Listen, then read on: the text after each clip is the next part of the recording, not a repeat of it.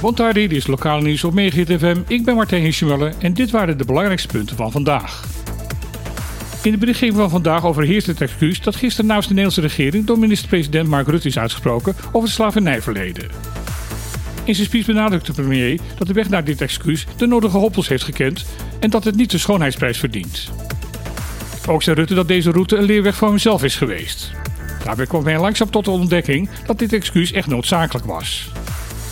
Verder benadrukte de premier dat dit moment een kom geschiedenis zal zijn en geen punt. Voor hem moet nu gezamenlijk de weg ingeslagen worden naar de toekomst. Op het officiële excuus van de staat der Nederlanden over haar aandeel in het slavenverleden is verschillend gereageerd. Over het algemeen werd de oprechtheid van Rutte in deze speech niet in twijfel getrokken, maar wel de weg naartoe en hoe het nu verder moet gaan. Gezaghebber Elisio Reijnen op Bonaire vond het allesbehalve dubbelzinnig. Voor hem zal 19 december 2022 een belangrijke bladzijde in het geschiedenisboek van Bonaire worden. Hij kondigde aan dat het bestuurscollege een officiële reactie aan Den Haag aan het voorbereiden is. Hierin zal volgens de gezaghebber ook de advies van de dialooggroep Bonaire worden meegenomen. Deze groep onder voorzitterschap van historicus Arthur Sali heeft al laten weten dat het beste excuus dat Nederland kan maken is dat de achterstanden waarmee Bonaire nog steeds te maken heeft nu eindelijk worden opgelost. Nederland zal met raad bijstaan bij de problematiek rondom de klimaatsveranderingen, maar er komt geen speciale klimaatwet voor de Besseilanden. Dat schrijft staatssecretaris Alexander van Huffelen in antwoord op vragen uit de Tweede Kamer over dit onderwerp. Deze vragen waren gesteld naar aanleiding van een onderzoek van de Vrije Universiteit Amsterdam in opdracht van Greenpeace. In het onderzoek wordt gesteld dat Bonaire, naar alle waarschijnlijkheid, de eerste gemeente van Nederland zal zijn die ten gevolge van de klimaatsverandering gedeeltelijk onder water gaat verdwijnen. De staatssecretaris zegt in haar antwoord dat het wel van belang is dat de BES-eilanden de uitstoot van broeikasgassen gaan reduceren en dat de energievoorziening wordt verduurzaamd.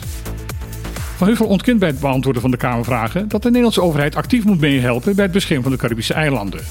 Ze benadrukt dat dit de verantwoordelijkheid is van de openbaar lichamen zelf. Greenpeace is echter een andere mening toegedaan. De Milieuactiegroep zegt momenteel een rechtszaak tegen de Nederlandse staat aan het voorbereiden te zijn. De organisatie vindt dat de overheid haar zorgplicht tegenover de bevolking van Caribisch Nederland in dit opzicht niet nakomt. Het conflict leek bedwongen te zijn nadat staatssecretaris Van Ooyen van VWS had gesteld dat de ruzie tussen Saba en ZJCM een communicatieprobleem was en het bestuurscollege van Saba had verklaard dat haar reactie misschien een beetje te scherp was geweest. Nu blijkt dat onder de oppervlakte het vuurtje nog steeds brandt.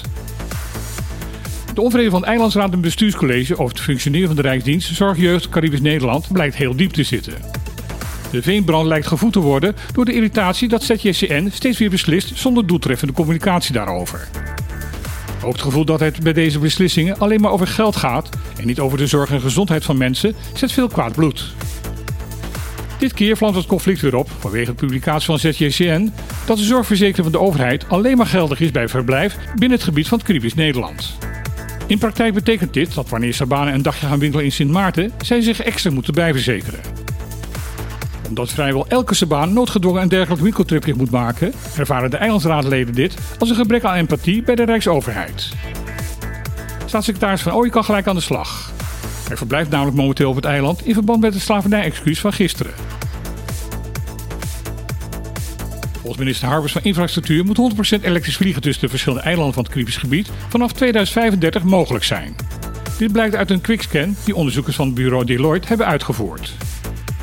Het gaat hierbij om toestellen met 9 of 19 passagiersstoelen tussen de ABC-eilanden en tussen de bovenwindse eilanden. Tijdens een zesdaags evenement over elektrisch vliegen, dat vorige maand in Europa plaatsvond, werd er door de verschillende partijen op de zes eilanden een memorandum of understanding ondertekend. Afgesproken is dat er een taskforce wordt gevormd die binnen zes maanden met een strategisch plan moet gaan komen. Dat zou ertoe moeten leiden dat binnen vijf jaar elektrisch vliegen tussen de eilanden op reguliere basis aangeboden gaat worden. Met het uiteindelijke doel om het insulaire vliegverkeer volledig te elektrificeren. De nu uitgevoerde quickscan laat zien dat dit doel haalbaar moet zijn. Dit was weer het lokale nieuws van Megahit FM. Ik wens alle luisteraars nog een hele mooie dag en dan graag weer tot morgen.